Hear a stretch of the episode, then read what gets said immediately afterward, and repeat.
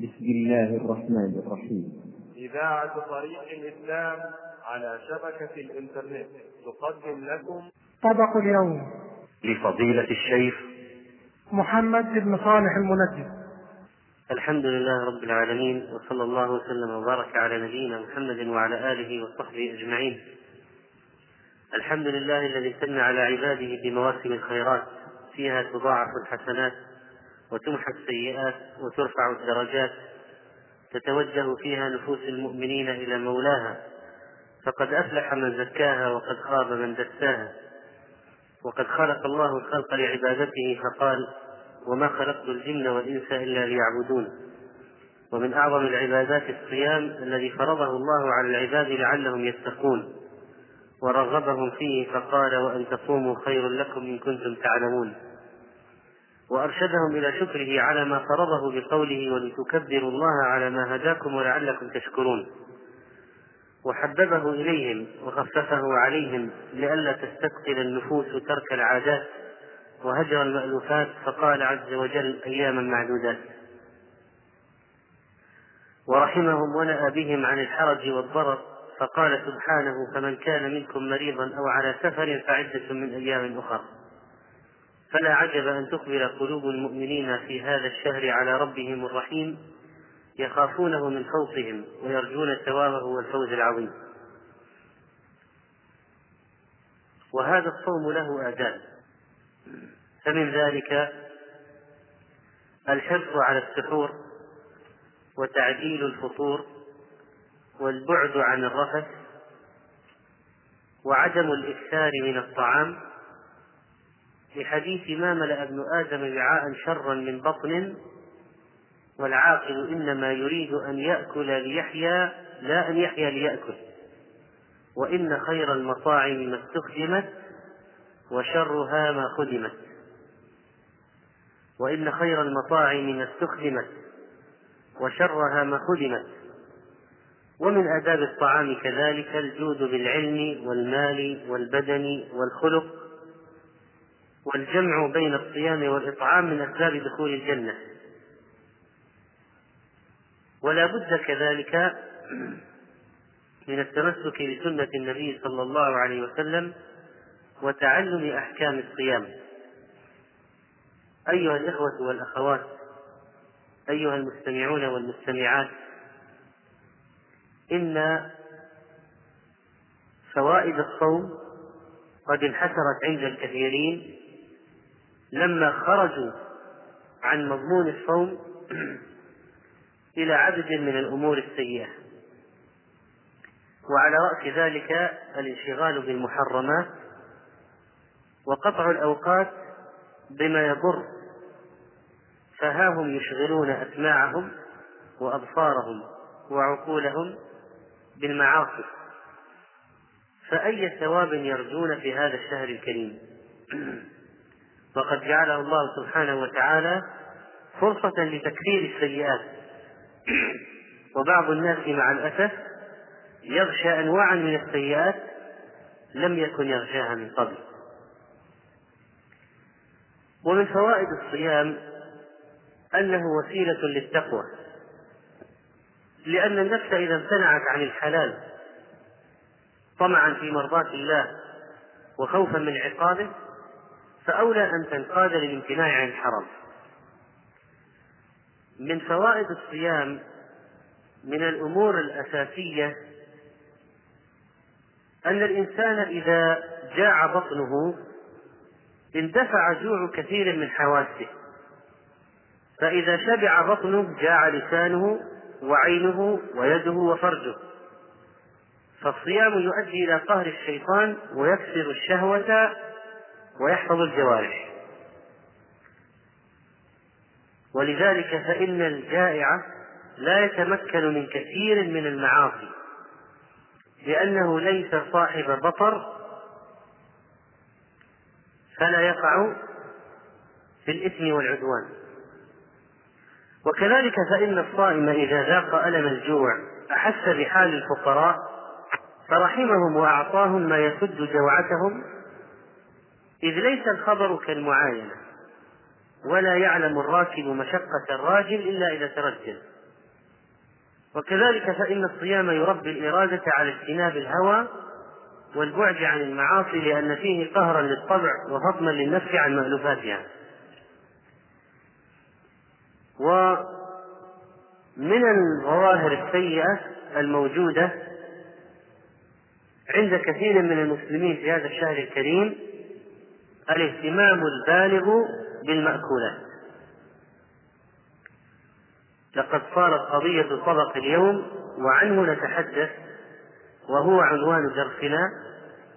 صار طبق اليوم الهم والشغل الشاغل لكثير من الصائمين والصائمات. لأن القضية صارت اندفاع كبير لشهوة البطن. إننا نلاحظ فيما نلاحظ من الظواهر السيئة التي انتشرت في مجتمعنا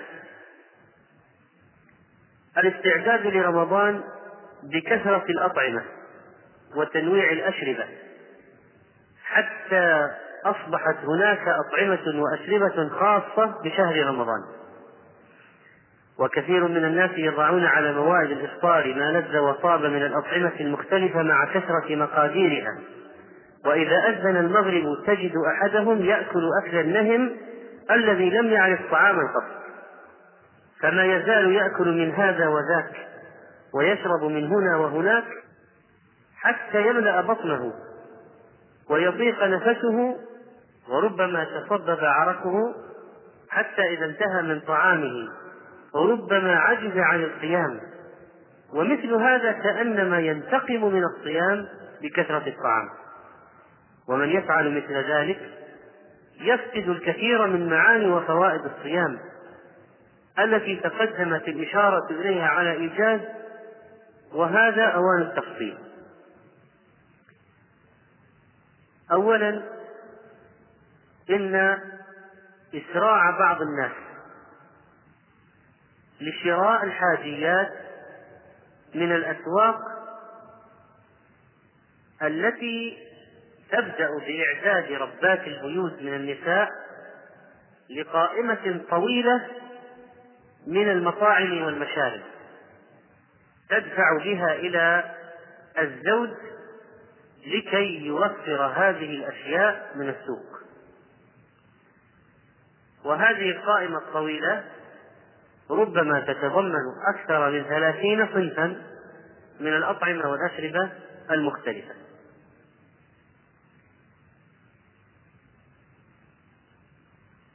هذه المرأة التي تستعد للشهر بإعلان حالة الطوارئ قبل دخوله بإعداد هذه القائمة من أنواع الأطعمة والأشربة من العصيرات وأغراض السلطات وما يلزم للمعجنات والحلويات وأنواع الفواكه واللحوم والخضروات والبقوليات والمقبلات والشوربات وأنواع الألبان ومشتقات الحليب. كل ذلك استعداد للشهر.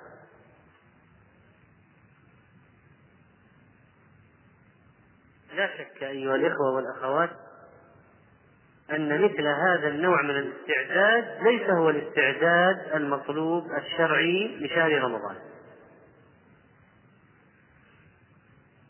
وصارت الأموال تنفق بل أقول تهدر على هذه القوائم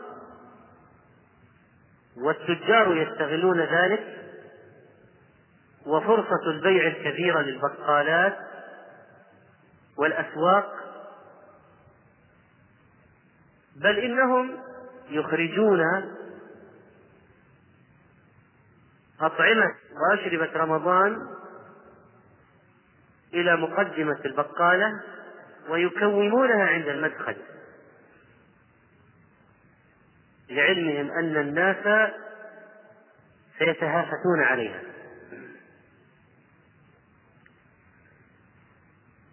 وربما رفع بعضهم الأسعار على بعض الأنواع لأجل استغلال الزبائن. لا شك ولا ريب أن هذا النوع من الاستعداد ليس هو الاستعداد الشرعي. إن مما نوصي به في هذا المجال السير على طريقة الشريعة والالتزام بآداب الشريعة في الشراء. مستندين على قوله تعالى وكلوا واشربوا ولا تسرفوا وكلوا واشربوا ولا تسرفوا إن الدراسات الاقتصادية والإحصائيات للأسواق المحلية تشير إلى أن ما ينفق على الطعام والشراب في رمضان ثلاثة أضعاف ما ينفق على ذلك في بقية الشهور. إذا قارنا ما ينفق على الطعام والشراب في رمضان بشهر عادي غير رمضان لوجدنا أن المسألة الجواب ثلاثة أضعاف مع أن البطن واحد والمعدة واحدة فما هو السبب يا ترى؟ ليس إلا الشره والسعي لإشباع الشهوة وتعويض ما فات ولأن قضية الطعام صارت قضية أساسية. شهوة البطن قضية أساسية في هذا الشهر. إن هذه الموائد الممتلئة بالأطعمة على اختلاف أنواعها اختلاف أنواع العصيرات والسلطات والمعجنات والألبان والحلويات والفواكه واللحوم والمقبلات والشوربات ونحو ذلك إنها لتشي حقيقة وحقا بأن القوم عبيد البطون. ولكننا ينبغي أن نقول أيضا إنه ليس المطلوب أن نطوي بقية اليوم والليلة على جوع فإن الوصال منهي عنه. والاعتدال هو الأمر المهم. لو اكتفينا من كل جنس بنوع واحد بدلا من تعديد الأنواع ألا يكون ذلك اقتصادا جاء به الدين؟ والاقتصاد من النبوة كما جاء ذلك في الحديث الصحيح.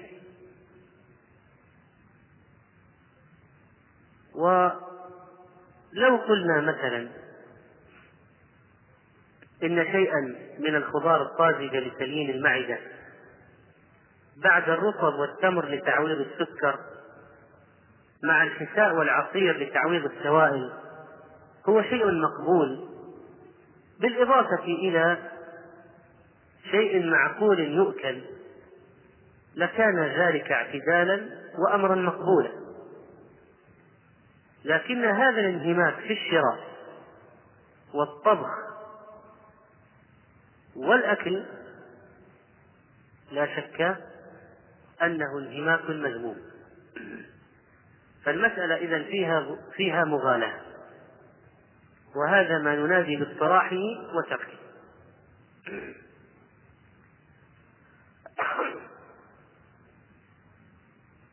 تعلن عدد من النسوة حالة الطوارئ عند دخول الشهر. بل وأقول قبل دخول الشهر أحيانا بهذه العادة التي يسمونها شعبانية يودعون شهر شعبان بحفلة أكل قبل دخول رمضان وكأنهم يودعون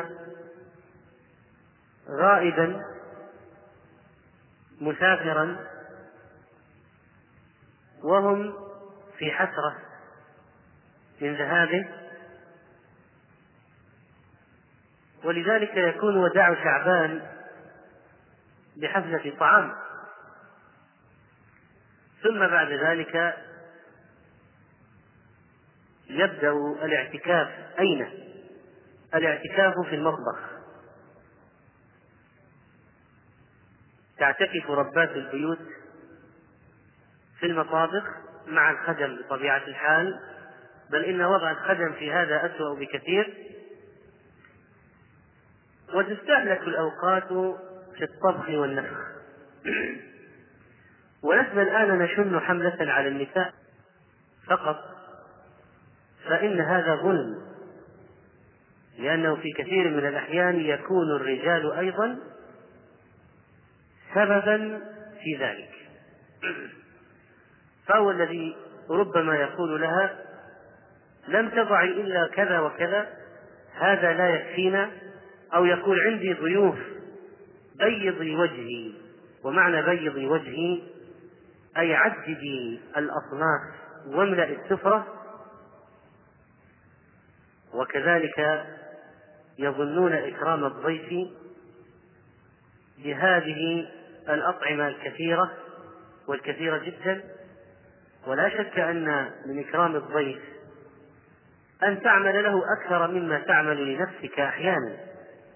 ولكن ليس إلى هذا الحد الذي جعل بعض الناس يتهرب من دعوة الآخرين لأنه سيضطر إلى مجاراتهم فيما فعلوا له لما دعوه وهو لا يطيق أن يفعل لهم مثل ما فعلوا له. ولذلك يتهرب من الاجتماع بهم ومن دعوتهم. لما في ذلك من الكلفة الكثيرة والقضية مبنية على عدم الحكمة. ولو أنهم كانوا حكماء من البداية ما أحرجوا أنفسهم. أيها الإخوة والأخوات إننا يحتاج نحتاج أن نعود إلى ما كان عليه النبي صلى الله عليه وسلم وأصحابه حتى نرى ماذا كان في الماضي. قال البخاري رحمه الله في كتاب الأطعمة باب الخبز المرقق والأكل على الخوان والسفرة. عن قتادة قال كنا عند أنس وعنده خباز له فقال ما أكل النبي صلى الله عليه وسلم خبزا مرققا ولا شاة مسموطة حتى لقي الله. ومعنى الشاة المسموطة أي التي أزيل شعرها بالماء المسخن وشويت بجلدها ويصنع ذلك بالصغير السن الطري منها وهو من فعل المترفين. والخبز المرقق النبي صلى الله عليه وسلم ما رآه ولا أكله. وقد وافق أبو هريرة على نفي أكله عليه الصلاة والسلام للرقاق فقال في حديث ابن ماجه لما زار قوما فأتوه برقاق فبكى. أبو هريرة رضي الله عنه وقال ما رأى رسول الله صلى الله عليه وسلم هذا بعينه.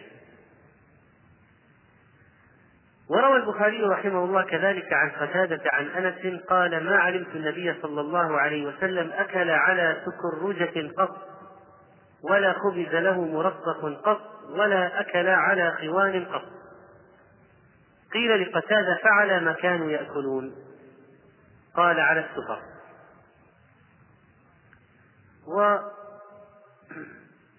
والسكرجة صحاف صغار يؤكل فيها.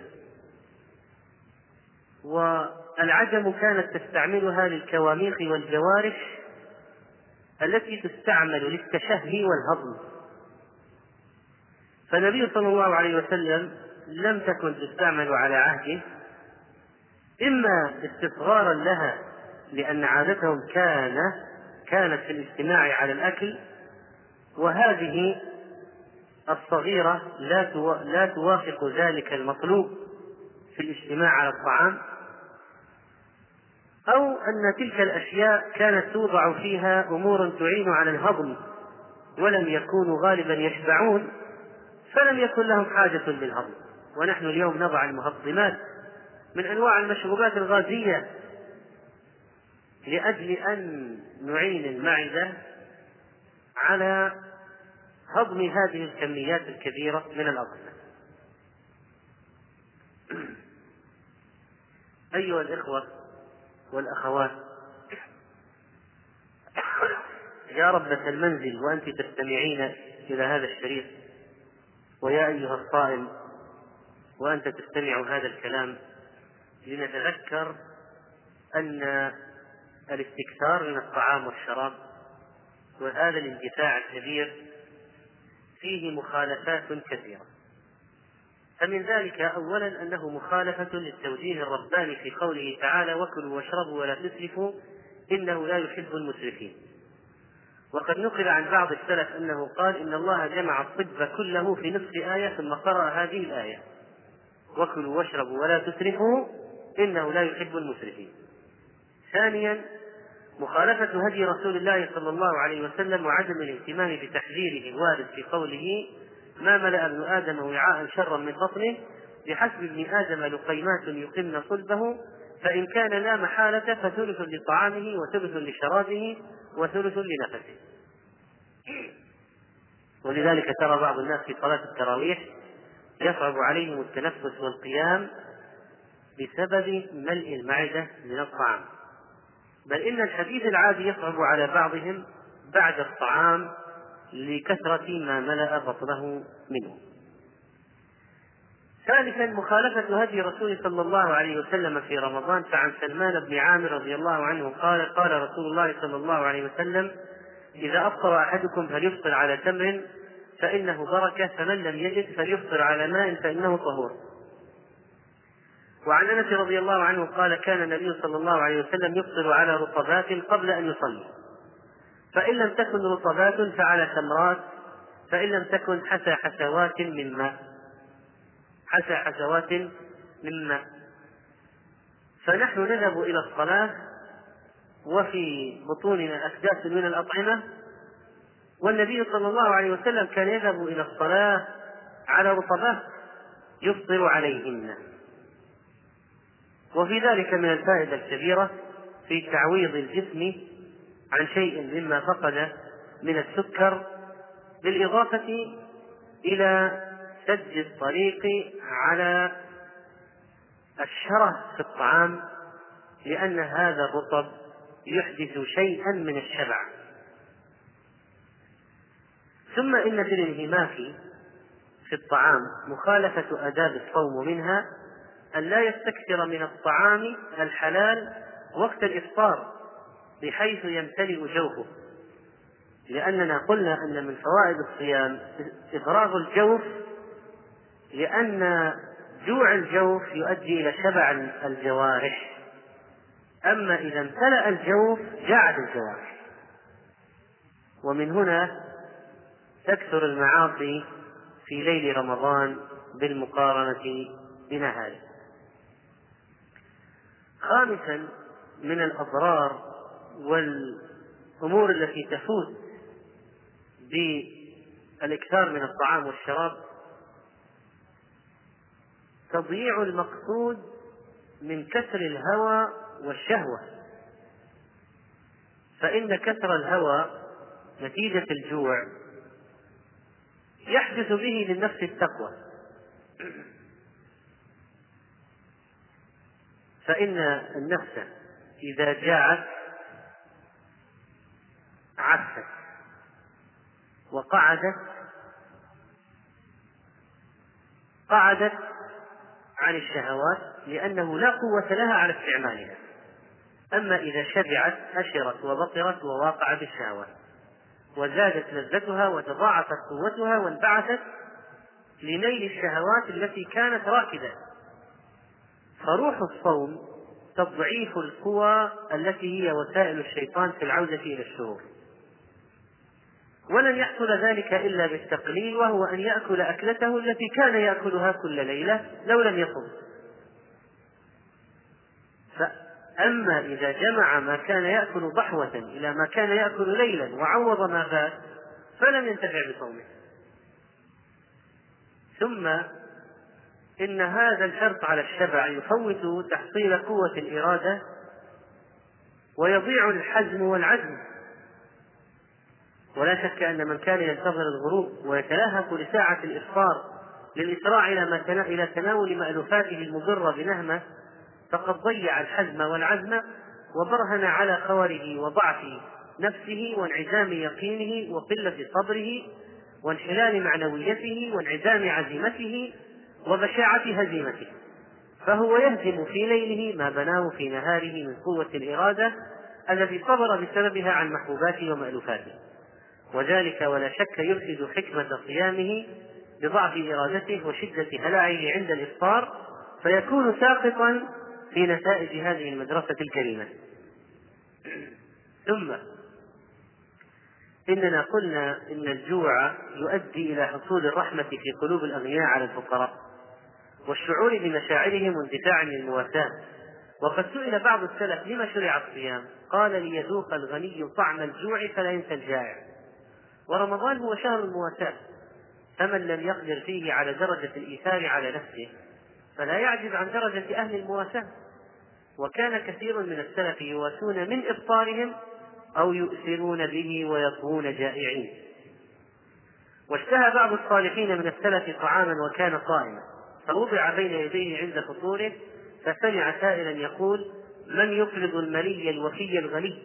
فقال عبده المعدم من الحسنات.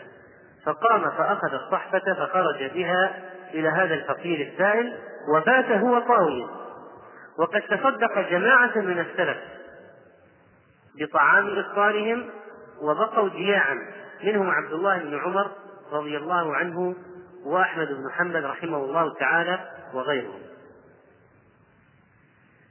وكان الصحابة أصحاب إحساس مرهف وشعور رقيق فهذا عبد الرحمن بن عوف يؤتى بطعام إفطاره وفيه صنفان من الطعام فيبكي فيسأله أهله ما يبكيك.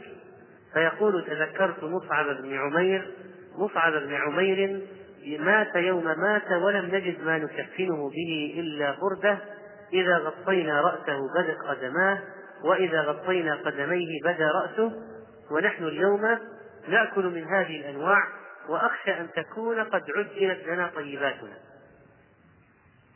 ومعلوم أن الذي تربى في النعمة ولم يذق طعم الجوع أو مرارة العطش لا يدري ما يحل بغيره من البؤساء. لماذا لا نلتفت إلى مآسي إخوان المسلمين في أنحاء العالم؟ الذين يتتبع بعضهم ما يسقط من حبات القمح من سيارات هيئات الإغاثة بل ربما بحث بعضهم عن المكان الذي يتجه إليه النمل ليأخذ حبة من الرمل يبتلعها. إن الشبعان لا يحس بألم الجائع لكن بصيامه يحصل له التذكر العملي. كما يحصل له حق المعرفة بقدر نعمة الله عليه. فإن النعمة لا يعرف قدرها إلا من فقدها. وكلما ازدادت معرفة المسلم بالنعمة ازداد قيامه بشكرها. وكثرة الطعام والشراب والإسراف في ذلك يضعف كل هذه المشاعر. أيها الإخوة والأخوات إن قضية طبق اليوم. صارت شيئا عجيبا. فإن طبق اليوم صار موضوعا يبرز الآن على أنه معلم من معالم رمضان. قل أن نجد مجلة نسائية أسبوعية أو شهرية إلا ونجد فيها زاوية زاوية بعنوان طبق الأسبوع أو طبق الشهر. تقدم هذه الزاوية لربة البيت لأجل عرض ما فيها من طبخات جديدة مع كل عدد جديد. ومع أن المرأة في هذا الزمان لا ينقصها معرفة الطبخات المتنوعة ولم تعد المرأة جاهلة بالجديد المبتكر فإن الزيارات والولائم والبوفيهات في الأعراس والمناسبات توفر لها حصيلة كبيرة من الأطباق المتنوعة المعروضة. وصارت المرأة ترجع إلى البيت وتقول تذوقت شيئا قبل قليل سأطبخه لكم. وتستعرض فنون مهاراتها في الطبخ وكل امرأة تحاكي ما طبخت الأخرى وسعيدة الحظ من جاءت بأفكار جديدة وفاجأت المدعوات بأنواع لم يرينها من قبل وأفكار لم تخطر على بالهن وصار هذا هو مجال التنافس. إنما الحياة الدنيا لعب ولهو وزينة وتفاخر بينكم وتكاثر في الأموال والأولاد. فقضية التفاخر والتكاثر عنصران مهمان. التفاخر والتكاثر عنصران مهمان في طبيعة هذه الدنيا. وهذا الذي نجده اليوم في الأطباق التفاخر والتكاثر. ربات البيوت النساء صرنا محط أنظار هؤلاء الذين يريدون إشغال المرأة عن القيام بواجبها الإسلامي الحقيقي. فكتب الطبخ وبرامج برامج طبق اليوم في سائر المحطات وخصوصا في رمضان. معارض الأواني المنزلية آه، موسوعات فن الطبخ في المكتبات كل شيء مصمم على إشغالها بمسألة الأكل. وكأن كل زاوية في الواقع تقول لها لا تنسي الطبخ. وبعض النساء تنتقل بين قوسين الريموت كنترول بين المحطات المختلفة في نهار رمضان الذي ينبغي أن يشغل بطاعة الله وعبادته وفي الأوقات الحساسة تتنقل بين القنوات المختلفة لتنظر ماذا يعرض في هذه القناة وماذا يعرض في هذه القناة من أنواع الأطباق المختلفة والمأكولات المختلفة. وهذا من المطبخ الصيني وهذا من المطبخ الفرنسي وهذا من المطبخ الإيطالي وهذا من المطبخ الهندي وهذا من الأندونوسي يأخذونها في جولة في أنحاء العالم لترى الجديد وكل ما هو متنوع في عالم الأطباق. وكذلك الصحف والمجلات زاوية طبق الشهر وطبق الأسبوع وطبق اليوم. بدلا من أن يلفت نظر المرأة لشكر النعمة وآداب الطعام ونحو ذلك من الأشياء الكثيرة الموجودة في الشريعة فيما يتعلق بالطعام وهناك أشياء كثيرة في الشريعة فيما يتعلق بالطعام. صار نظرها يلفت إلى الجانب المادي البحث من هذه القضية وهي قضية الطعام. بل ومع الأسف صار بعض المسلمين الجدد أو المقابلات التي تجرى مع بعض المسلمين من بلاد مختلفة في أنحاء العالم الإسلامي لا بد أن يدرج فيها إذا كانت المقابلة في رمضان. ما هي الأطباق المفضلة لديكم والتي تعمل عندكم خاصة لهذا الشهر الكريم. ويستعرض ضيف الحلقة ما لديه من الأطباق في بلده ويعرف بأنواع الأطعمة في شرح لا يفيد المستمع بشيء البتة إلا قضية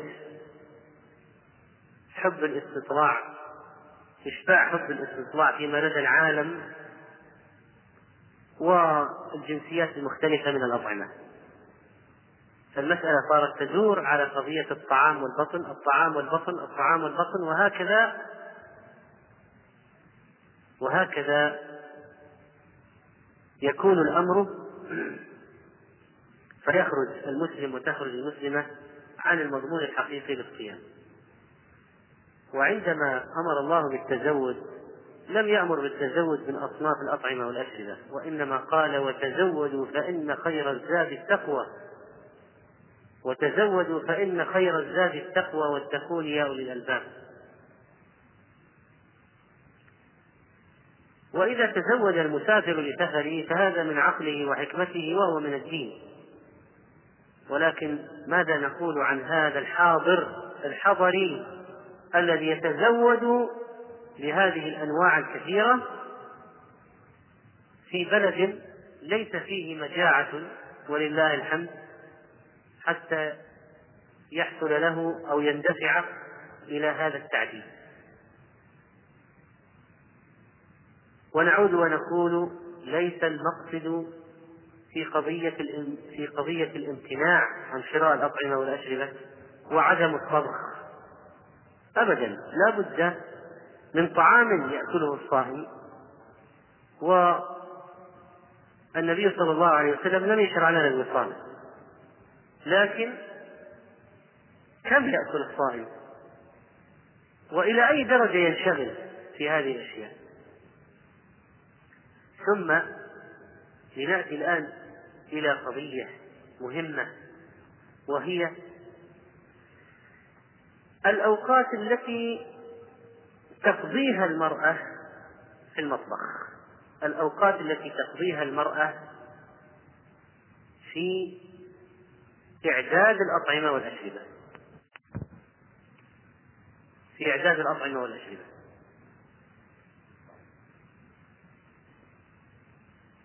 كم هي؟ ترى المرأة لا تبرح مطبخها من بعد صلاة الظهر حتى أذان المغرب منهمكة في الطبخ والنفخ وعند الإفطار تمد السفرة وعليها أصناف كثيرة من الطعام فينهمك الجميع في الأكل وقد صوبوا أنظارهم تجاه الشاشة فيزدادون شراهة وتمتلئ بطونهم من أنواع المأكولات والمشروبات ويصابون بالسخمة ثم تدخل أبدانهم عن أداء ما فرض الله عليهم ثم تقوم ربة المنزل لرفع السفرة وغسل الأطباق وإزالة آثار الطعام. آثار الطعام ونحو ذلك ورمي ما يرمى وما أكثره من نعم الله في الزبالات ومع القاذورات. تقوم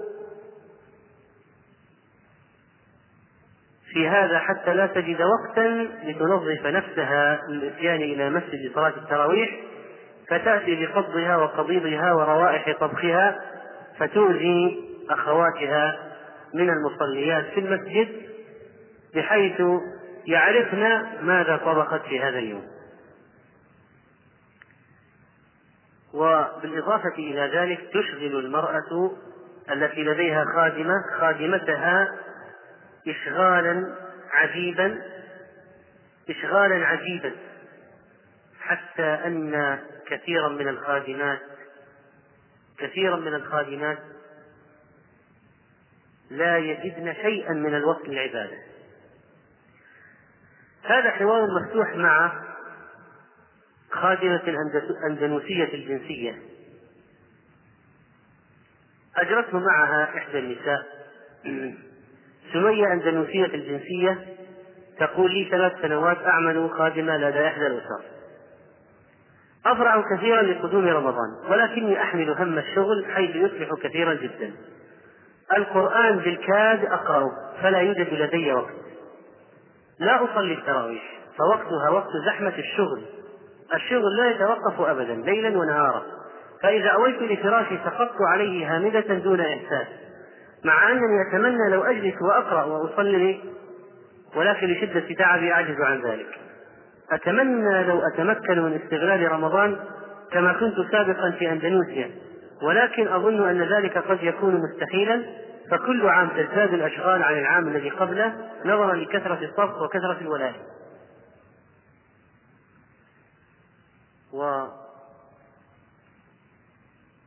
هؤلاء الخادمات يدخلن المطبخ قبل ربة البيت بثلاث ساعات ولا يكون عندها إلا وقت يسير للنوم لأنها تعمل لطعام السحور وإذا نامت شيئا بعد الفجر فإنها لا بد أن تقوم مبكرا لتدخل المطبخ وتعده لربة البيت قبل ثلاث ساعات من دخول ربة البيت وهكذا أشغلنا الخدم المسلمين وحرمناهم من التنعم بالعبادة في هذا الشهر لأجل بطوننا نحن فهل في ذلك عدل؟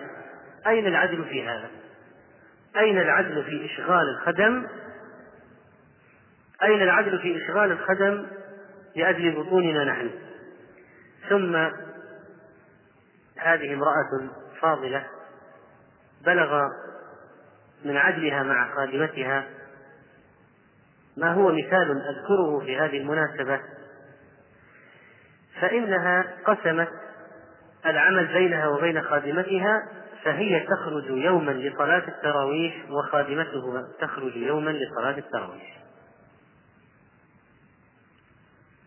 فلم تحرم خادمتها جزاها الله خيرا من العبادة والتعبد في هذا الشهر الكريم. وقل من النسوة من يلتفت إلى هذا أو من تلتفت إلى هذا. ف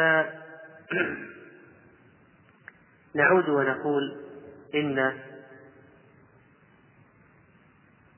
الحرص على العبادة في هذا الشهر هو الأساس. فلماذا يذهب؟ لماذا يذهب في هذه الترهات؟ وهناك بعض النصائح التي نقدمها في هذا المجال وهي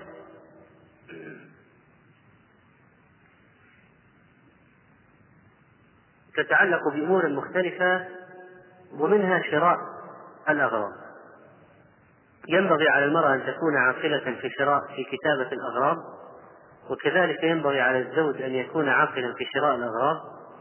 ومن القواعد في الشراء لا تشتري وأنت جائع بل اشتري في الليل. وكذلك لا نضيع أوقاتنا في الوقوف في صفوف الفوالين. وبعض الذين يبيعون العجين أو أنواع معينة من العجين أو المعجنات. وبعض الناس يقف في شراء السوبيا ساعة أو أكثر عند بعض المحلات ويتزاحمون ويتقاتلون حتى يقول الواحد للآخر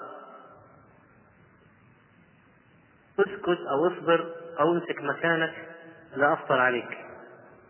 وهو قد أفطر عليه فعلا. ونجد الناس في انهماك تام وازدحام وسرعة عجيبة في السيارات. لأجل أن يطوف على المطاعم وأصحاب محلات الحلويات والفوالات ونحو ذلك من المحلات لأجل أن يحصل من هذا ومن هذا. وربما حصلت الحوادث كل ذلك من أجل البطن. مع أن المسألة لا تحتاج إلى كل هذا الحماس منقطع النظير الذي لا نشهده في الطواف على أماكن العبادات والدروس والمساجد. ولكن من أجل البطن يحصل الطواف بهذا الحماس بسرعة على سائر أنواع المحلات. نتمنى من كل أب أسرة قبل الإفطار أن يذكر أهله بقيمة النعمة التي بين أيديهم وأن الفضل لله. فيجب شكر نعمته حتى تدوم وشكرها بالعمل قبل اللسان حتى يعي أبناء هؤلاء أبناء هذه الحقيقة. نتمنى أن يؤكد رب كل أسرة كل أسرة وهو على المائدة العامرة أن يتذكر إخوانه المسلمين الذين لا يجدون لقمة يقيمون بها أصوابهم وحتى تتوحد المشاعر وليتبع ذلك وليتبع ذلك إنفاق عملي فيه مساعدة لإخواننا المسلمين. لنقتطع شيئا مما ننفقه على الأطعمة في هذا الشهر ونحوله صدقة إلى إخواننا الجياع نعطيها للثقات يوصلوها إليه نتمنى أن تستفيد النسوة اللاتي يذهبن لمراكز تخفيف السمنة وما أكثر المنكرات فيها من كشف العورات وإزالة الشعر من بعض الأماكن والبنطلونات الضيقة وما يحدث في هذه المراكز من المنكرات لا يعلم به إلا الله. ولسنا الآن بصدد الكلام على هذه المراكز. ولكنها جاءت عرضا في الحديث. نتمنى أن تستفيد النسوة التي يذهبن لمراكز تخفيف السمنة من هذا الشهر الكريم. فيقللن من الأكل ويمنحن الخادمة إجازة جزئية وسيجدن يجدن النتيجة إيجابية بإذن الله دون حاجة إلى الذهاب للأطباء ولهذه المراكز وإنفاق الأموال الطائلة بدون طائل ويتم الاستغناء عن برامج الرجيمات الفاشلة. إن هذا الشهر فرصة فرصة فعلا للوصول بالجسم إلى التوازن المطلوب. نتمنى من الرجال أن يعتنوا أن يعتنوا بتفريغ زوجاتهم للعبادة بدلا من إشغالهن في المطبخ. نريد من الرجل أن يعاتب زوجته هو على وضع هذه الأصناف الكثيرة. نريده أن يكون صاحب حزم في عدم تكثير أنواع الطعام. وأن يتفاهم مع زوجته في أول الشهر. وبعض العقلاء وضعوا لأنفسهم برنامجا فتراه يقول لزوجته لا نريد استنفارا ولا نريد تعدادا نريد أن يكون كل شيء عادي أن يكون كل شيء عادي كما في غيره من الأوقات والشهور. وبعض الزوجات تلتزم بطبق رئيسي مع طبق آخر مع شيء من مما يشرب مما هو مهم لتعويض العطش واليبوسة في البدن ويبقى الأمر على حاله. نريد اعتناء بأن يكون أمر الولائم والعزائم أمرا معقولا. بعض الناس يقول لزوجته ويتفق معها أن لا تقوم أي عزيمة أو وليمة في بيتها في شهر رمضان حتى يتم التفرغ العبادة وهذه فكرة يعملها البعض. ولكن أقول إن هذا الشهر إطعام الطعام فيه من المستحبات العظيمة. فإن الجمع بين الصيام وإطعام الطعام من أسباب دخول الجنة. والنبي صلى الله عليه وسلم ذكر لنا أن من فطر صائما فله مثل أجره.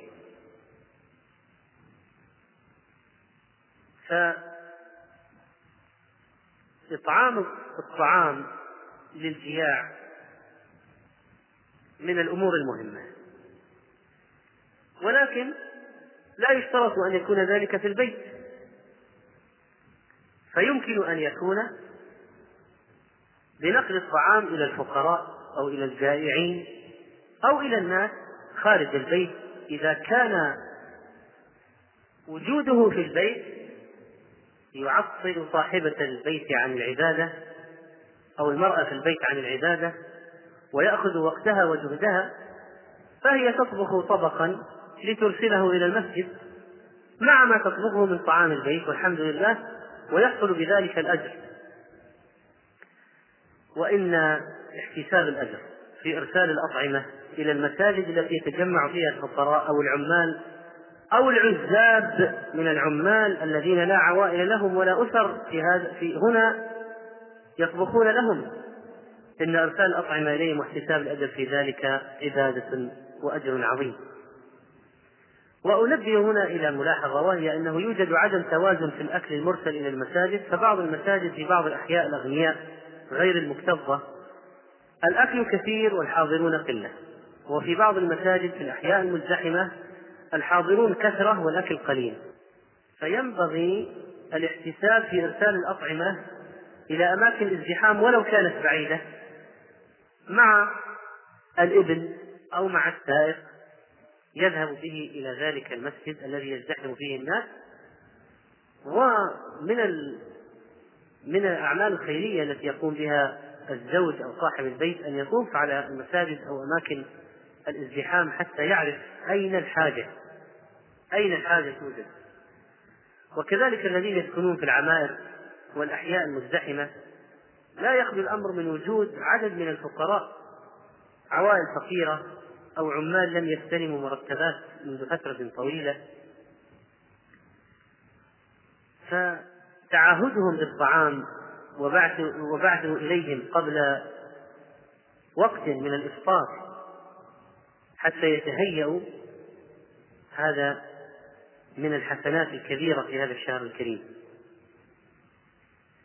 فإذا نريد من الأزواج أن يقفوا هم أمام تعدد الأصناف وكثرة وكثرة الأطعمة فإن بعض النساء يشتكين من أن الأزواج هم السبب هم السبب في الإرهاق والإشغال عن العبادة وعمل الأطباق الكثيرة وتعديد الأصناف. وخصوصا عندما يكون في بيته وليمة أو طعام إفطار وهذه شكوى حقيقية ولها ما يبررها فعلا. ونعود فنذكر بقضية الاعتدال. الاعتدال الاعتدال وعدم المبالغة. وكذلك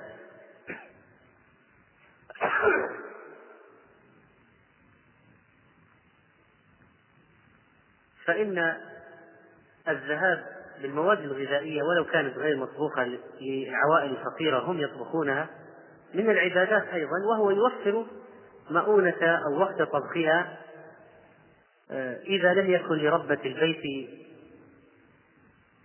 قدرة أو وقت متسع لذلك فيحصل الأجر أيضا. وكذلك من الوسائل الاتفاق مع بعض المطاعم لوجبات معقولة توزع على الفقراء. وبدلا من أن يأتي صاحب البيت بالطعام المواد الغذائية إلى البيت لتقوم ربة البيت بطبخها وإشغال نفسها بذلك وإيصالها بعد ذلك بما يأخذ وقتا أيضا. فإن من أنعم الله عليه واستطاع أن يأتي بوجبات من بعض المطاعم للفقراء إلى المسجد مباشرة أو إلى المسلمين المجتمعين في المسجد لا شك أنه يوفر وقتا كبيرا على زوجته وعلى أهله. ولنخفف هذه الدعوات إذا كانت تشغل عن العبادة ولنكتفي بالأمور المعقولة في الطعام.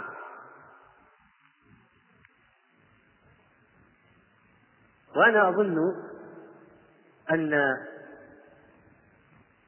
الإتيان بالأطعمة من المطاعم للفقراء أو المساكين عند المساجد إذا انتقي بعناية ربما لا يفرق كثيرا في تكلفته عن الطعام الذي يؤتى به ويطبخ في البيت. في بعض الأحيان.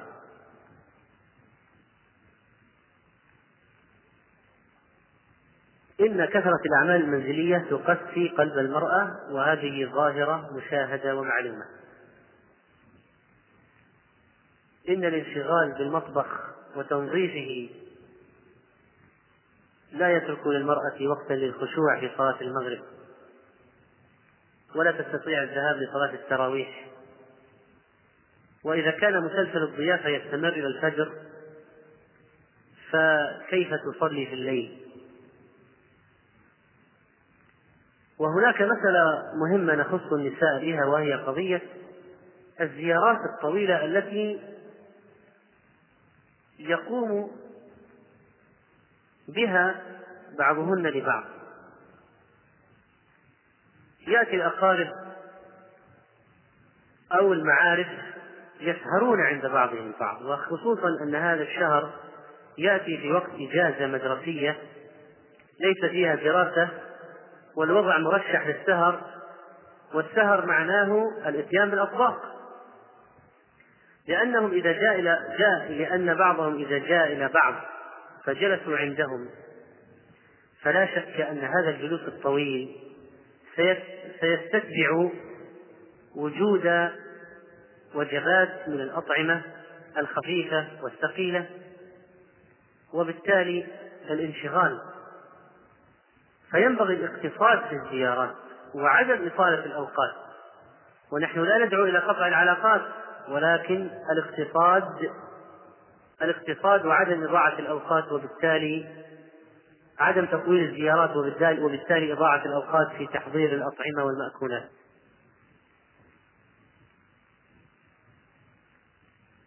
وكذلك مما يوصى به عدم جعل أصناف معينة فرض عين لازم في كل سفرة من السفر. فبعض النساء تعمل أشياء تأخذ وقتا ومعلوم أن الأطعمة تختلف في عملها فبعضها يأخذ وقتا قليلا وبعضها يأخذ وقتا طويلا. فبعض الأشياء التي تحتاج إلى تفنن وتحتاج إلى دقة وتحتاج إلى وقت طويل.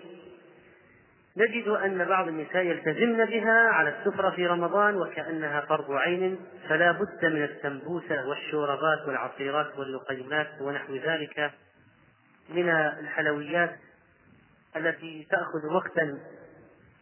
فنقول ليس الأمر فرض عين. خففوا رحمكم الله.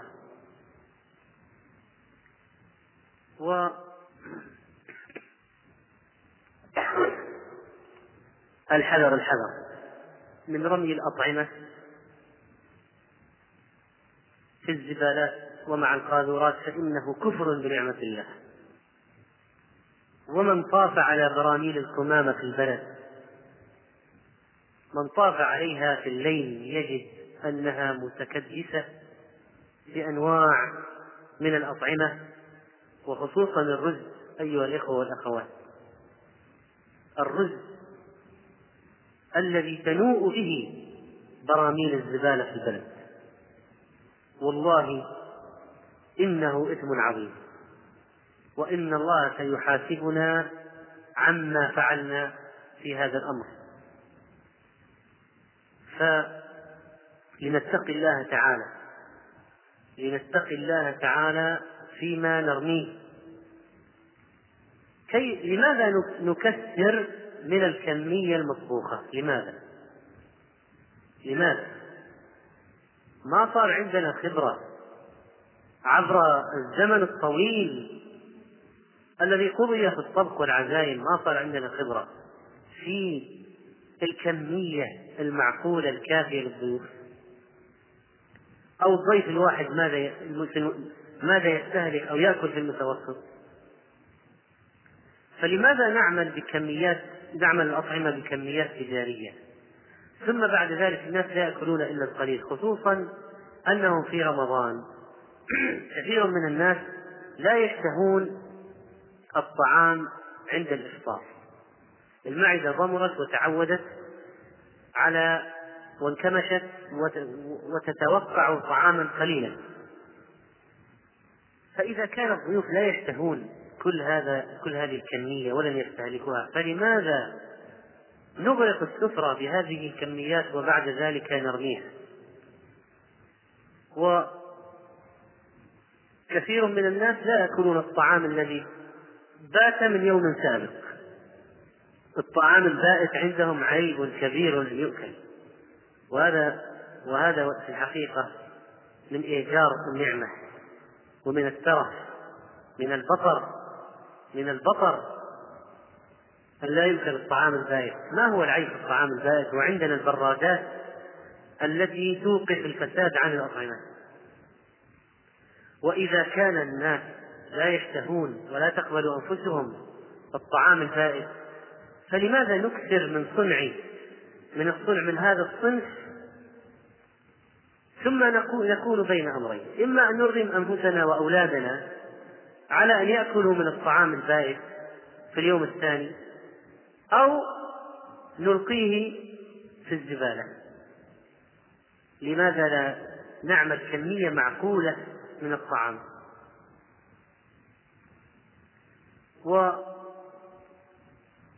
ونوصي أيضا نوصي أيضا باتباع الوسائل التي تعينك يا ربة البيت على الاقتصاد في الطعام وعدم رميه. فمن الوصايا التي ذكرتها بعضهن في هذا أن المرأة يجب أن لا يكون شعورها بالاعتزاز وإرضاء ذوق الزوج ورغبات الأطفال منطلقا من تنويع السلطات والشوربات واللحوم بأنواعها. والدجاج والسمك والفواكه والحلويات ونحو ذلك وإنما ينبغي أن يكون منطلقا الاعتزاز بالاقتصاد واحترام النعمة. و من الإرشادات أن تبتعدي عن الطعام المثلج والمعلب فإنه غالي الثمن أولا وقيمته الغذائية متدنية ثانيا. واستعيضي عنه بما تعديه في مطبخك ويمكن أن تحفظيه مثلجا بشروط صحية. فمثلا كمية الكمية اللازمة لعجينة البيتزا يمكن حفظها في الثلاجة لتكون جاهزة عند الاستعمال عند الحاجة إليها فجأة. وكذلك العجين يمكن إعداده سابقا والاحتفاظ به بدلا من شراء الأطعمة المثلجة والمعلبة جهزيها أنت. ثم الرز المتبقي يمكن استخدامه في اليوم التالي بحلة جديدة بإضافة بعض الأشياء عليه وتزيينه بالمكسرات أو اللحمة المفرومة والمقلية وما شابه ذلك من الأشياء أو تحويله إلى طعام صيني بإضافة بعض الخضروات عليه أو استخدامه في حشي الدجاج المحمر بالفرن أو الأوزي كما يقولون. وإذا تبقى عندك الكثير من الطعام بعد وليمة فلا تقدميه لأسرتك دفعة واحدة بل صنفيه على أنواع واحفظيه في الثلاجة. كل يوم تقدمي نوعا أو نوعين حتى لا يسخن كل الطعام أياما متوالية وبالتالي يفقد نكهته وشكله بتكرار التسخين فيرمى في النهاية.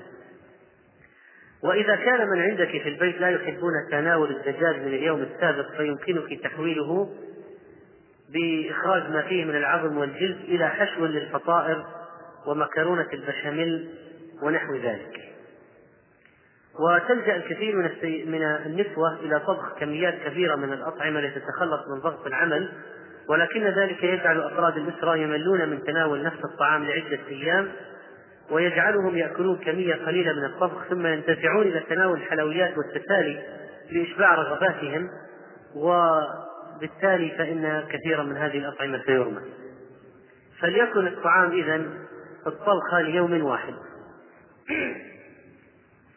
وبالنسبة للفواكه القديمة التي لم يعد شكلها مغريا يمكن أن تقدم على شكل سلطة الفواكه بعد تقطيعها وإضافة العصير إليها أو جعلها في الكوكتيل. مع الحليب وغيره مما لا أفهم الآن طريقته.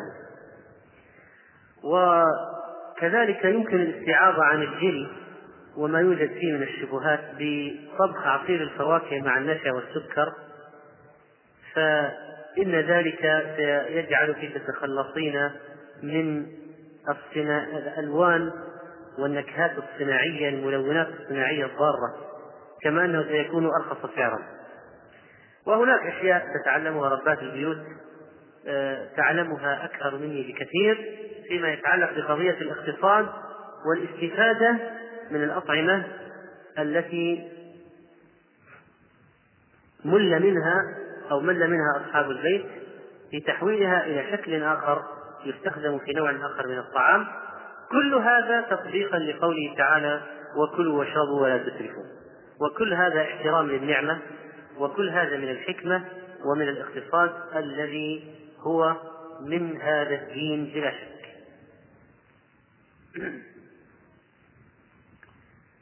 وينبغي كذلك عليك أن تقدمي المفيد للأطفال ولا تتركيهم يملؤون معدتهم بالسوائل والمشروبات عند الإفطار من العصائر التي بعضها صناعي و أو الحلويات وإنما لا بأس بإرغامهم على أكل ما هو مفيد لهم وأن لا نجاريهم في رغباتهم.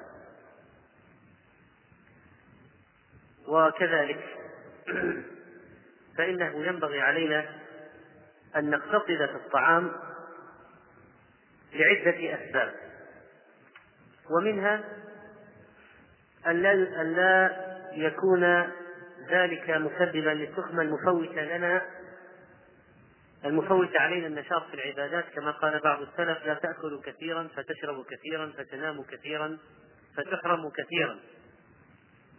وقال بعضهم موبخا للأكول الشروب أو الأكولين الشروبين إنكم تأكلون الأبطال وتشربون الأبطال وتنامون بالليل ولو طال وتزعمون أنكم أبطال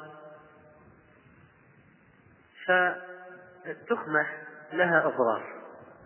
التخمة لها أضرار ولذلك سننتقل الآن لبيان ما ذكره أطباء المسلمين فيما يتعلق بهذا الأمر. إن قضية الشرح إن قضية الهجوم على الطعام وكأن الإنسان لم يرى طعاما قط والإندفاع إليه هي صفة الطفيل الأكول الشروب إن هذا الأمر مذموم حقا. وقد ذكر بعض العلماء في مصنفاتهم قصصا عن بعض هؤلاء الطفيليين في كيفية نظرتهم للطعام. إنها تعكس حقا ما يوجد من العقد النفسية عند أولئك. فقد ذكر الخطيب البغدادي رحمه الله في كتاب التفصيل أن بعض الطفيليين مرض فقال له غلامه أوصل قال الآن هذه وصية وصية المرض قال من الله عليك بصحة الجسم وكثرة الأكل ودوام الشهوة ونقاء المعدة ومتعك الله بضرس طحون ومعدة هضوم مع السعة والدعة والأمن والعافية. إذا قعدت على مائدة وعجبك الماء فغطست بلقمتك فضع يدك اليمنى فوق رأسك وحركها كأنك تسوي كمتك فإنها تنزل بإذن الله. أي لا تشرب حتى لا تملأ المعدة فيفوت عليك الأكل. وإذا قعدت على مائدة وكان موضعك ضيقا فقل للذي إلى جانبك يا أبا فلان لعلي قد ضيقت عليك. فإنه يستحي ويتأخر إلى خلف ويقول سبحان الله لا والله موضعي واسع فيتسع عليك موضع رجل. ولا تصادفن من الطعام شيئا فترفع يدك عنه وتقول لعلي أصادف ما هو أطيب منه. فقال له غلامه زدني. قال إذا وجدت خبزا فيه قلة فكل الحروف فإذا كان كثيرا فكل الأوساط ولا تكثر شرب الماء وأنت تأكل فإنه يمنعك من الأكل وهذا عين الحماقة. قال زدني. قال إذا وجدت الطعام فكل منه أكل من لم يره قط وتزود منه زاد من لا يراه أبدا قال زدني. قال إذا وجدت الطعام فاجعله زادك إلى الله. وبئس الزاد هذا الزاد. أقول معلقا بئست النصيحة وبئس الزاد وبئست الوصية هذه الوصية.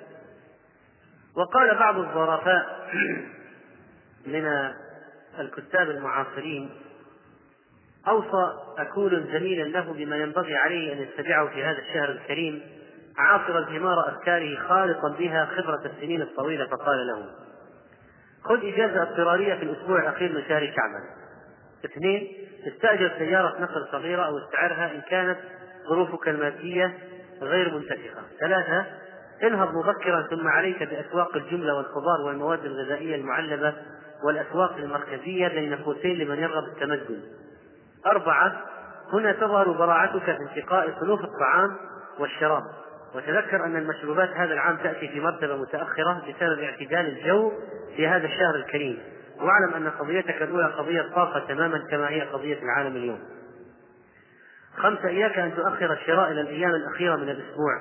واعلم أشفعك الله أن اليومين الأخيرين هما للجرد والفحص النسائي النهائي التشهيد فقط وإلا فلا تلومن إلا نفسك. ستة ابدأ بمن تخشى سرعة لسانه وأما أثناء الصيام فاتبع النصائح الآتية. واحد لو دفع إليك مال قارون فلا تتحدث بعد صلاة الفجر ولو بإشارة وانطلق فورا إلى الفراش ولكن لا تركض امشي ببطء. فإن القاعدة تقول السرعة تزيد في استهلاك الطعام أي الوقود. اثنين عليك باختلاق عشرين عذرا للتأخر عن عمل والمدرسة والمواعيد الصباحية. نوعها ورتبها ووزعها على عدد الأيام. وإذا استطعت أن تأخذ إجازة طويلة شهر طيلة شهر رمضان فأنت لا يولى عليك. ثلاثة احذر من المقبلات والسرطات فهي تسد النفس ولا تجزي نفعا ولا يغرنك مظهرها الجذاب فإنها سرعان ما تزول. وكثيرا ما وهقت الأغبياء فكن كيسا فطنا. خامسا عند الإفطار اتبع في ملء الخزان أي المعدة سياسة الخطوة خطوة مثل محادثات السلام الجارية حاليا. حتى تحمد العاقبة وتتقي شر المراجعة لمستوصف الحي في الطابور الذي لا ينقضي والموعد الذي لا يأتي أما في السحور فنظرا لاكتمال اللياقة البدنية عند المعدة فلا يضيرك ازدراج اللقم ازدراجا ولكن أبق دلو الماء على يمينك ولا تجعله معترضا لخفض التموين خفض التموين المائدة ليد الفم. ابتعد عن أي جهد بدني ليس خلال النهار فذلك شيء قد فرغ منه وإنما في الليل أيضا. وحتى لا تفاجأ بطعنة جوع غادرة. أبق جيوبك في حالة امتلاء دائم بما خف وزنه وكثر دسمه مثل الفول السوداني والفستق والكاكاو. والقائمة لا تخفى عليك وكذلك أرفض المكتب ودرج السيارة. وأخيرا ابتعد عن المناظر المثيرة خلال صيامك مناظر ما لذ وطاب من الطعام والشراب. وإن فاجأك منها شيء فاصرف بقرك حتى لا تصاب بالحسرة. بعد هذه الوقفة مع هؤلاء الأكولين الشروبين لننتقل إلى ما ذكره علماؤنا رحمهم الله في قضية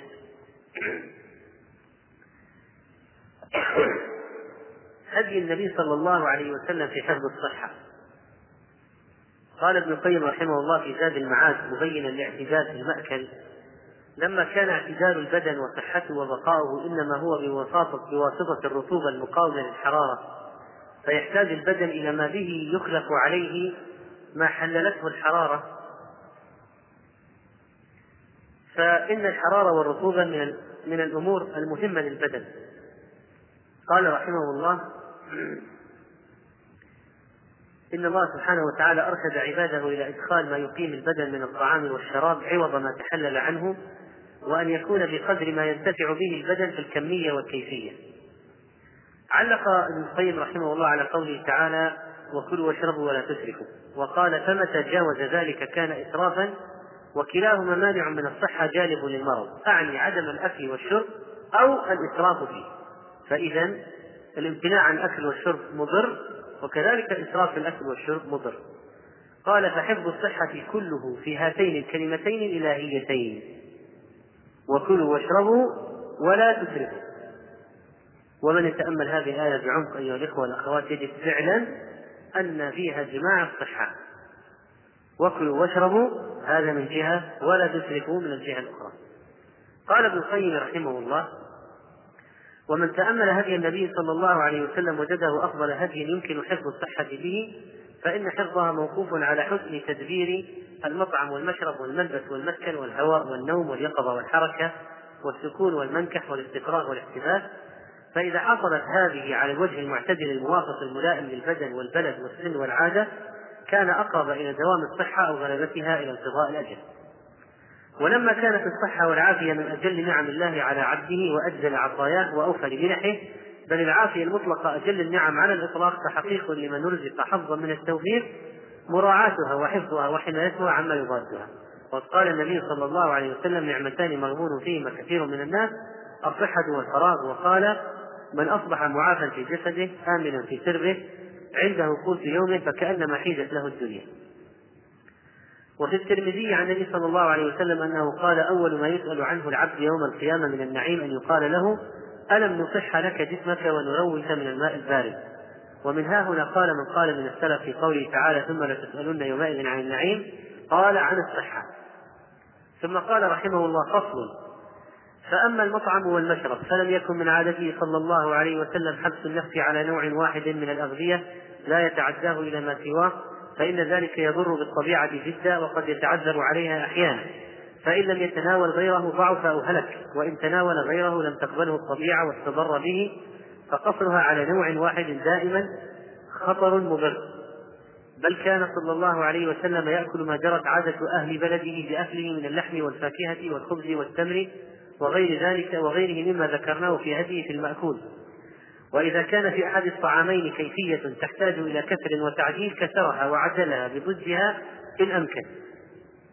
وعدلها بضدها إن أمكن كتعديل حرارة الرطب بالبطيخ كان يأكل الرطب بالبطيخ صلى الله عليه وسلم. وإن لم يجد ذلك تناوله على حاجة وداعية من النفس من غير إسراف فلا تتضرر به الطبيعة. وكان إذا عافت نفسه الطعام لم يأكله ولم يحملها إياه على كفر. وهذا أصل عظيم في حفظ الصحة فمتى أكل الإنسان ما تعافه نفسه ولا يشتهيه كان تضرره به أكثر من انتفاعه قال أبو هريرة ما عاب رسول الله صلى الله عليه وسلم طعاما قط إن اشتهاه أكله وإلا ترك ولم يأكل منه. ولما قدم إليه الضب المشوي لم يأكل منه فقيل له أهو حرام؟ قال لا ولكن لم يكن بأرض قومي فأجدني, فأجدني أعافه. فراعى عادته وشهوته فلما لم يكن يعتاد أكله بأرضه وكانت نفسه لا تشتهيه أمسك عنه ولم يمنع من أكله من يشتهيه ومن عادته أكله. وكان يحب اللحم وأحبه إليه الذراع الذراع مقدم الشاة ثم قال ولا ريب أن أخف لحم الشاة لحم الرقبة ولحم الذراع والعضد وهو أخف على المعدة وأسرع نظاما وفي هذا مراعاة الأغذية التي تجمع ثلاثة أوصاف. فانتبهوا الآن يا أيها المهتمون بالصحة. أحدها كثرة نفعها وتأثيرها في القوى. الثاني خفتها على المعدة وعدم ثقلها عليها. الثالث سرعة هضمها. وهذا أفضل ما يكون من الغذاء والتغذي باليسير من هذا أنفع من الكثير من غيره.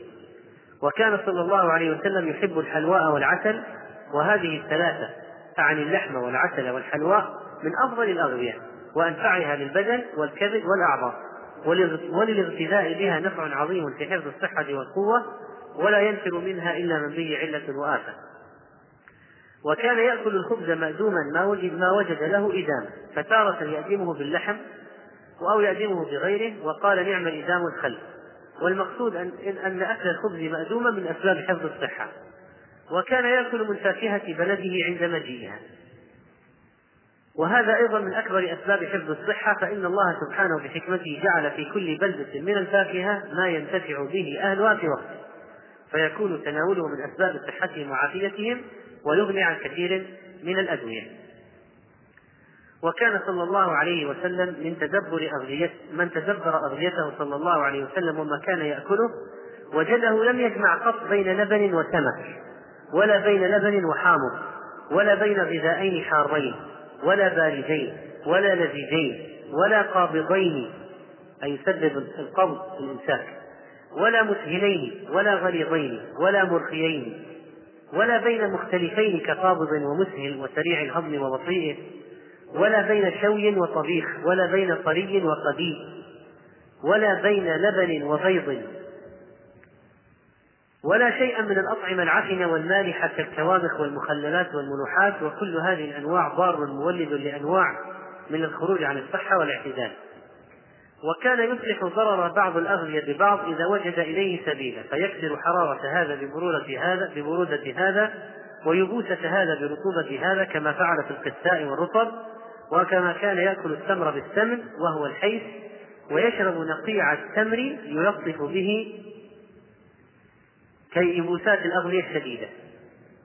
وكان ينهى عن النوم على الأكل ويذكر أنه يقسي القلب ولهذا في وصايا الأطباء لمن أراد حفظ الصحة أن يمشي بعد العشاء خطوات ولو مئة خطوة. ولا ينام عقبه فإنه مضر جدا. وقال مسلمون الأطباء أو يصلي عقيبه ليستقر الغذاء بقعر المعدة. ولم يكن صلى الله عليه وسلم من هدي أن يشرب على طعام فيفسده. ولا سيما إن كان الماء حارا أو باردا فإنه رديء جدا. كما قال الشاعر لا تكن عند أكل سخن وبرد ودخول الحمام تشرب ماء فإذا ما اجتنبت ذلك حقا لم تخف ما حييت في الجوف داء. واعلموا أيها الإخوة والأخوات أن الصوم فيه حمية. والحمية مهمة مهمة للبدن جدا. بعض الناس يأكلون على غير جوع وبعض الناس يغضبون أنفسهم على الأكل. ويأكلون أكثر من حاجتهم. قال ابن القيم رحمه الله في كتاب العظيم زاد المعاد وعنه ننقل من المجلد الرابع من الطبعة المتداولة الطب النبوي ومما ينبغي أن يعلم أن كثيرا مما يحمى عنه العليل والناقل هو الصحيح إذا اشتدت الشهوة إليه ومالت إليه الطبيعة فتناول فتناول منه الشيء اليسير الذي لا تعجز الطبيعة عن هضمه إذا تناول منه لم يضره ذلك بل ربما انتفع به. قال فاللذيذ المشتهى تقبل الطبيعة عليه بعناية فتهضمه على أحمد الوجوه. سيما عند انبعاث النفس إليه بصدق الشهوة وصحة القوة والله أعلم. وقصده رحمه الله أن يأكل الإنسان إذا جاع. أما إذا أكل على شبع فإن الهضم يكون سيئا. فإذا أكل على جوع وهو يشتهي الطعام كان الهضم جيدا. وقال فصل في هدي صلى الله عليه وسلم في الحمية الدواء كله شيئان حمية وحفظ صحة فإذا وقع التخليط احتيج إلى الاستفراغ الموافق. وكذلك مدار الطب كله على هذه القواعد الثلاث.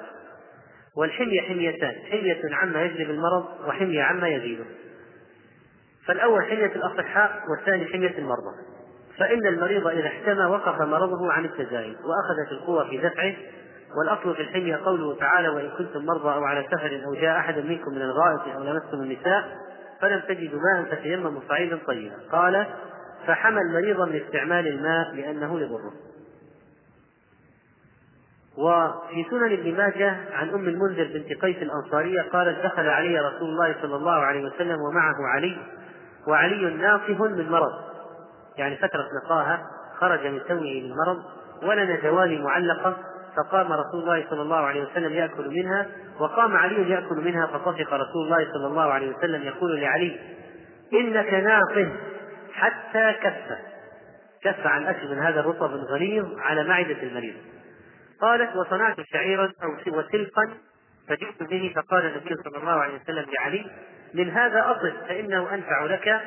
وفي لفظ فقال من هذا فأصف فإنه أوفق لك. قال المعلق أخرجه ابن ماجه والترمذي وأبو داود وأحمد وسند حسن. وفي سنن ابن ماجه عن صهيب قال قدمت, قدمت على النبي صلى الله عليه وسلم وبين يديه خبز وتمر فقال ابن فكل فأخذت تمرا فأكلت فقال أتأكل تمرا وبك رمد فقلت يا رسول الله أنظر من الناحية الأخرى. فتبسم رسول الله صلى الله عليه وسلم. وقولهم الحمية رأس الدواء ليس بحديث. وإنما هو من كلام الحارث بن كلدة طبيب العرب قال الحمية رأس الدواء والمعدة بيت الداء وعودوا كل جسم معتاد ورأس الطب الحمية. والطب الحديث آه، جاء وذكر لأن في الصوم وقاية من الزوائد والرواتب في الجسم فإن الجسم في حالة الصوم يبدأ باستهلاك المواد الغذائية المخزونة فيه فإذا نفذت يبدأ باستهلاك أو إحراق الأنسجة الداخلية فيبدأ بما فيه احتقان أو تقيح أو التهاب فأول الخلايا, الخلايا التي تستهلك هي الخلايا المريضة أو الحرمة فالصوم في الحقيقة يكون مقام مشرط الجراح. الذي يزيل الخلايا التالفة أو الضعيفة من كل عضو مريض فيعطيه فرصة يسترد خلالها حيويته ونشاطه. وبهذه النظرية يكون الصوم وقاية للجسم من كثير من الزيادات مثل الحصوة والرواتب الكلسية والزوائد اللحمية وأنواع البروز والأكياس الدهنية وأيضا الأورام الخبيثة. فقد لحظ بالأشعة أن جميع هذه الزوائد يصغر حجمها أثناء فترة الصوم. وكذلك الصوم نافع لمرضى السكر لأن الصوم يقلل كمية السكر في الدم إلى أدنى إلى أدنى المعدلات وهذا يعطي غدة البنكرياس فرصة للراحة. فمن المعروف أن البنكرياس يفرز الأنسولين وهذه المادة بدورها تؤثر على السكر في الدم. فتحوله إلى مواد نشوية ودهنية تترسب وتخزن في الأنسجة. ولكن إذا زاد الطعام عن قدرة البنكرياس في إفراز الأنسولين فإن هذه المدة تصاب بالإرهاق والإعياء ثم أخيرا تعجز عن القيام بوظيفتها فيتراكم السكر في الدم وتزيد معدلاته وخير حماية للبنكرياس من هذا الإرهاق هو الصوم المعتدل. ثم إن الصوم ينفع المعدة لأنها تخلو تماما من الطعام خلال 12 ساعة في اليوم على الأقل ولمدة شهر كامل وهذه المدة تكفي لإخلاء المعدة من كل طعام متراكم وتعطيها فرصة للراحة من غير إرهاق. ولذلك نجد أن الصوام يتخلصون من عادة التكرع أو التجشؤ التي يسببها أكل الطعام على الطعام مما ينجم عنه تخمر الأطعمة في المعدة قبل أن تتمكن من هضمها. ولذلك نهينا عن إدخال الطعام على الطعام لما فيه من الإيذاء والأذى في المعدة. وكذلك فإن الصوم يريح الأمعاء والمصران الغليظ من الطعام المتراكم ويخلص الصائم من الغازات والروائح الكريهة التي تنتج عن السخن وسوء الهضم. ولذلك نرى عددا من الذين يكثر منهم خروج الغازات يقل ذلك منهم أثناء النهار في رمضان. وكذلك فإن الصوم يفيد في إنقاص الوزن هذا لمن حافظ على السنة وعلى الاعتدال أما من أراد أن يعوض ما فاته فإن وزنه لا ينقص بل إنه يزيد. و لا شك كذلك أن الصوم وقاية من عدد من الأمراض ونحن لا نريد أن نركز على الفوائد الصحية لتنسينا التقوى وهو الشيء الأساسي التي فرض الصيام من أجلها من أجله ولكن ولكننا نقول إن فيها من في الصيام منافع أخرى كما أن في الحج منافع والحمد لله الذي جعل في الصيام فائدة عظيمة. ونذكر بالقاعدة التي ذكرها الحكماء من مد يده إلى الطعام وهو جائع ويمسكها وهو جائع فلا يحتاج إلى الطبيب أبدا. من مد يده إلى الطعام وهو جائع لا يأكل إلا عند الجوع ويمسكها وهو جائع يعني لا يشبع. مهما أكل يبقى دون حد الشبع فإنه لا يحتاج إلى طبيب أبدا. ونذكر كذلك ختاما بآداب الطعام وهي كثيرة منها ذكر الله سبحانه وتعالى بقول بسم الله ثانيا أن يأكل بيمينه ثالثا غسل اليدين قبل الطعام رابعا أن يدنو من الطعام خامسا أن يأكل مما يليه. سادسا الاجتماع على الطعام سابعا أن لا يمسح يده بالمنديل أو بغيره حتى يلعقها ثامنا إذا سقطت اللقمة أن لا يتركها. تاسعا انتظار الطعام حتى يبلغ فوره ودخانه. عاشرا عدم النفخ فيه. الحادي عشر الأكل من جوانب الطعام. الثاني عشر أن لا يأكل إلا لا يأكل حتى يبدأ الأكبر العالم أو الكبير. والثالث عشر إذا لم يعجبه شيء من الطعام لا يتأسف ولا يتذمر. والرابع عشر تفتيش التمر من الدود كما جاء النبي صلى الله عليه وسلم. والخامس عشر أن الإنسان إذا طبخ لحما فيكثر المرق ويغرف منه للجيران. وكذلك إذا حضر العشاء والعشاء فإنه يقدم العشاء. ومن الآداب كذلك عدم الشبع. ومن الآداب كذلك أن لا يأكل ما فيه ثوما أو بصرا أو كراسا إذا أراد أن يأتي المسجد. ونذكر بهذا ونهيب ونؤكد ونحذر الذين يفعلونه من قربان المسجد في صلاة التراويح. فإنهم يضرون بإخوانهم المصلين ضررا بالغا. وفي الختام نذكر بأن لا يلهينا الطعام عن العبادة وكثير من الناس تضيع عليهم صلاة المغرب في المسجد بسبب الانهماك بالطعام وتضيع عليهم صلاة التراويح وتضيع عليهم صلاة العشاء جماعة ويصلون التراويح في الجماعة متأخرين في جماعة التراويح أو في جماعة مستقلة. ونعود ونذكر أيها الإخوة والأخوات بالشيء الأساسي والمهم في الصيام وهو التقوى ونقول إن هذا الطعام ينبغي أن يراعى حق الله فيه. نسأل الله سبحانه وتعالى أن يعلمنا ما ينفعنا وأن ينفعنا بما علمنا وأن يزيدنا علما وأن يحفظ علينا صحتنا وقوتنا وحواسنا وأن يمتعنا بها وأن يجعلها الوارث منا ونسأله أن يخرجنا من هذا الشهر الكريم كيوم ولدتنا أمهاتنا. إنه سميع مجيب قريب وأستودعكم الله والحمد لله رب العالمين والسلام عليكم ورحمة الله وبركاته.